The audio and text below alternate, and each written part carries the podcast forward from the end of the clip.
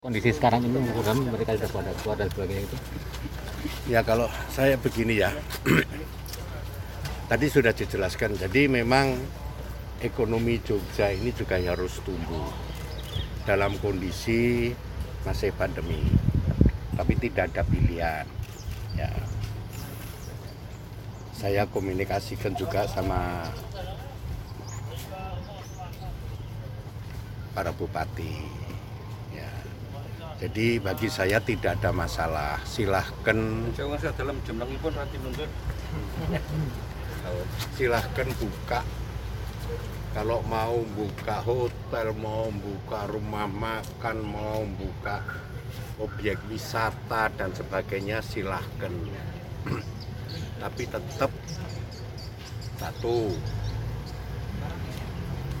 menggunakan protokol kesehatan harus itu dilakukan. Karena biarpun nanti covid ini daruratnya dicabut kan belum tentu corona itu juga hilang. Berarti nanti mungkin sampai tahun depan pun kita masih masih akan menggunakan masker juga dan jaga jarak gitu. Tapi ya bagi mereka yang sakit ya silahkan ke rumah sakit hanya gitu aja. Seperti kalau demam berdarah maupun penyakit yang lain kan gitu. Ya hanya saya telponi bapak-bapak bupati ya kan? Bapak kalau buka pari, pariwisata di Kaliurang di Parangtritis di mana? Di Gunung Kidul silahkan aja tapi nanti lain waktu tapi yang datang itu kan bukan hanya orang Jogja nanti kalau lain waktu ternyata mereka ada yang positif ya itu bagaimana kita akan tracing kalau yang datang pada jam yang sama itu orang Semarang, orang Surabaya atau orang bagaimana kita akan tracing? Itu Bapak lakukan enggak?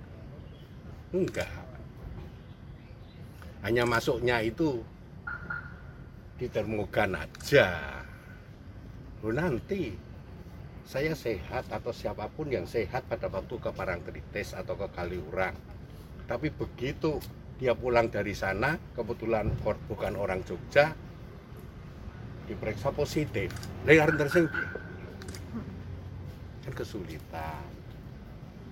Lah saya bilang, ya kan, kita kan bapak-bapak, mas, mbak tahu, kita punya kerjasama sama kota, istilah kota itu QR code. Identit apa ID untuk masuk di Ma- di Malioboro. Tapi kalau teman-teman pers kemarin dengan provinsi ngomong paspor kan gitu untuk ke Jogja. Di mana harapan saya di setiap tempat itu protokol kesehatan dilakukan. Tapi di data ibu hand, namanya siapa handphonenya nomor berapa sudah itu aja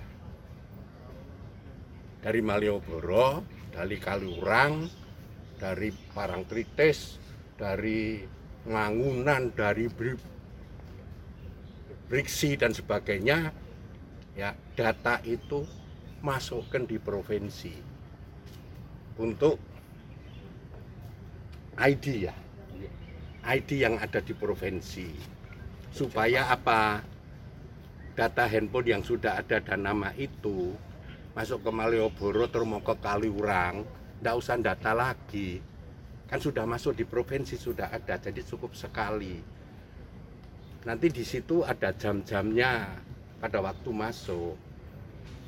Dengan jam jamnya yang ma- masuk itu kalau ada di antara mereka yang jam itu ada yang akhirnya biarpun dia orang Semarang, dia orang mana pun positif itu tracingnya di dalam daftar itu ada jam sekian. Oh si ini si ini nomornya nomornya nomornya handphone nomor sekian nomor sekian.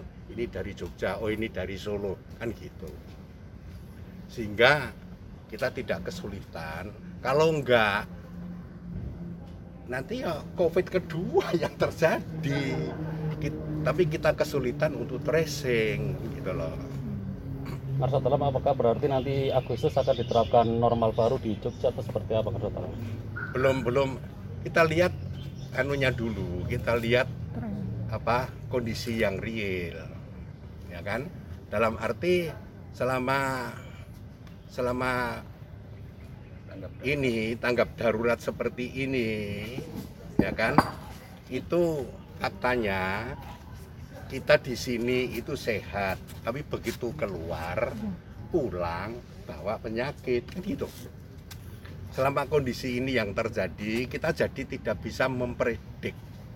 Sebetulnya Jogja itu pada peaknya itu sudah terjadi belum sehingga kalau sudah pasti turun. Nah sekarang sepertinya sudah landai tapi itu naik lagi. Kan gitu? Landai naik lagi gitu loh. Saya tidak mau tergesa-gesa ya kan? Sampai kita lihat nanti dengan dibukanya pariwisata dan sebagainya itu kecenderungan-kecenderungan positif itu besar atau kecil? Dengan pasar yang coba kita tata biarpun kita juga tidak mudah untuk menata itu tapi kecenderungannya besar atau kecil tapi kalau besar ataupun kecil pun tetap dalam keadaan darurat memudahkan saya untuk mengobati yang positif. Nek darurat tak cabut ana sing positif arep arep ngobati nganggo PCR arep swab aku kudu lelang. Lah kan susah lelangnya patang puluh lima dino gitu loh. Dengan perpanjangan. Ya, tapi dengan kondisi kondisi apa? Kondisi darurat itu mau beli kan tinggal beli. Yang penting nanti dipertanggungjawabkan. Gitu loh. Tapi lek ora kan ku- kudu lelang. Nah, lelang kan 45 dino untuk saya bisa mengambil kebijakan di dalam mengaplikasikan untuk ngerem COVID-19 Bagaimana Gitu loh. dengan eh, sektor pendidikan Marsa Dalam yang tanggal 13 Juli itu eh, akan tetap dibuka atau ajaran baru terbatas atau seperti kita apa?